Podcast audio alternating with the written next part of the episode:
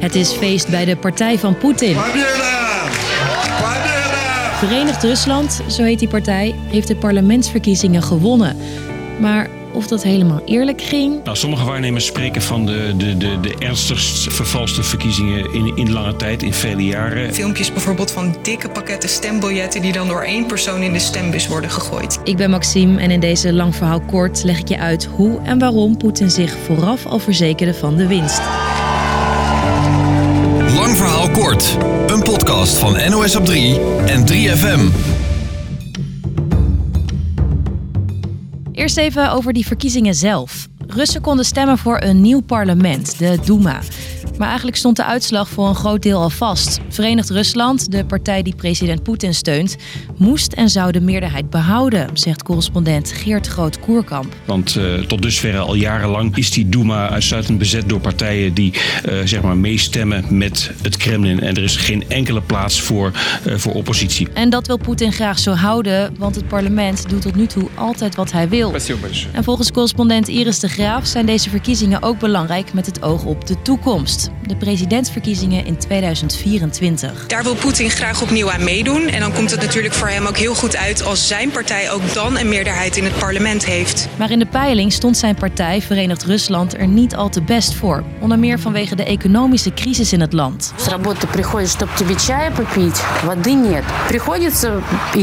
Je hoort een moeder van twee kinderen vertellen dat ze geen water heeft om thee te zetten. Haar dorp zit al 20 jaar zonder water en gas. En zij zijn niet de enige. Uit onderzoek blijkt dat 4 op de 10 Russen moeite heeft om eten te kunnen kopen. Poetin wil niet dat hij door ontevredenheid in het land zijn meerderheid verliest, dus laat hij niks aan het toeval over. Let even op, je hoort zo meteen één iemand stemmen. Klinkt niet echt als één stembiljet, hè? Eén persoon stopt hier een heel pakket aan biljetten in de stembus. En zo zijn er nog duizenden meldingen gedaan van stemfraude.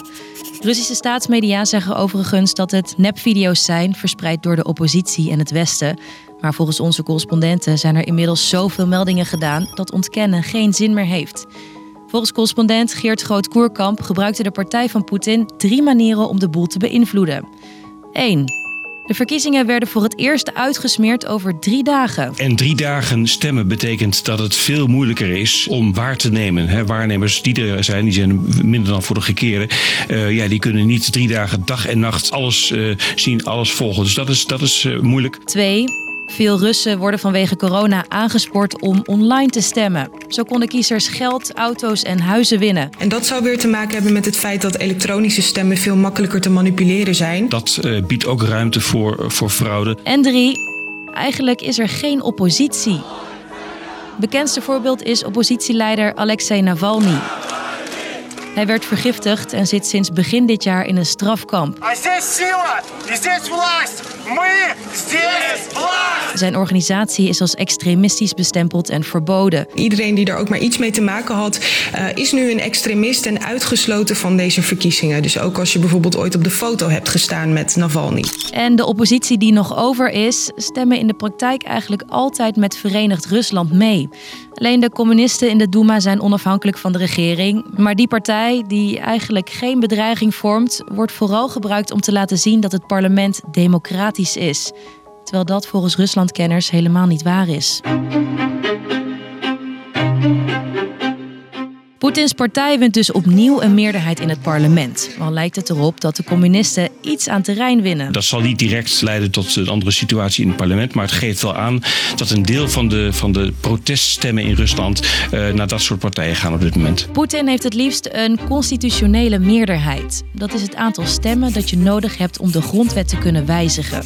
In Rusland is dat twee derde van de stem in het parlement. En op dit moment heeft de partij dat. Nou, die meerderheid wil de president graag blijven behouden. Want met die partij in de Duma kan hij allerlei wetten doorvoeren en grondwetten aanpassen. Zoals we bijvoorbeeld vorig jaar hebben gezien. Toen veranderde hij bijvoorbeeld na een referendum dat hij zich vaker verkiesbaar kan stellen als president. Daardoor zou hij tot 2036 president kunnen blijven. En na deze verkiezingen behoudt Poetin waarschijnlijk zijn meerderheid om de grondwet te kunnen aanpassen. Het enige dat verschilt van het vorige parlement is dat de communistische partij wat zetels wint. Maar in de praktijk verandert er dus weinig. Dus, lang verhaal kort. De verkiezingen in Rusland zijn gewonnen door Poetins partij. Maar eigenlijk stond dat vooraf al vast. Toch wil Rusland met de verkiezingen laten zien dat het een democratisch land is, terwijl dat in de praktijk vaak niet zo werkt. Want in die end verandert er weinig en kan Poetin zonder veel problemen de grondwet blijven wijzigen. Dit was hem weer. Morgen staat er weer een nieuwe lang verhaal kort voor je klaar. Tot dan!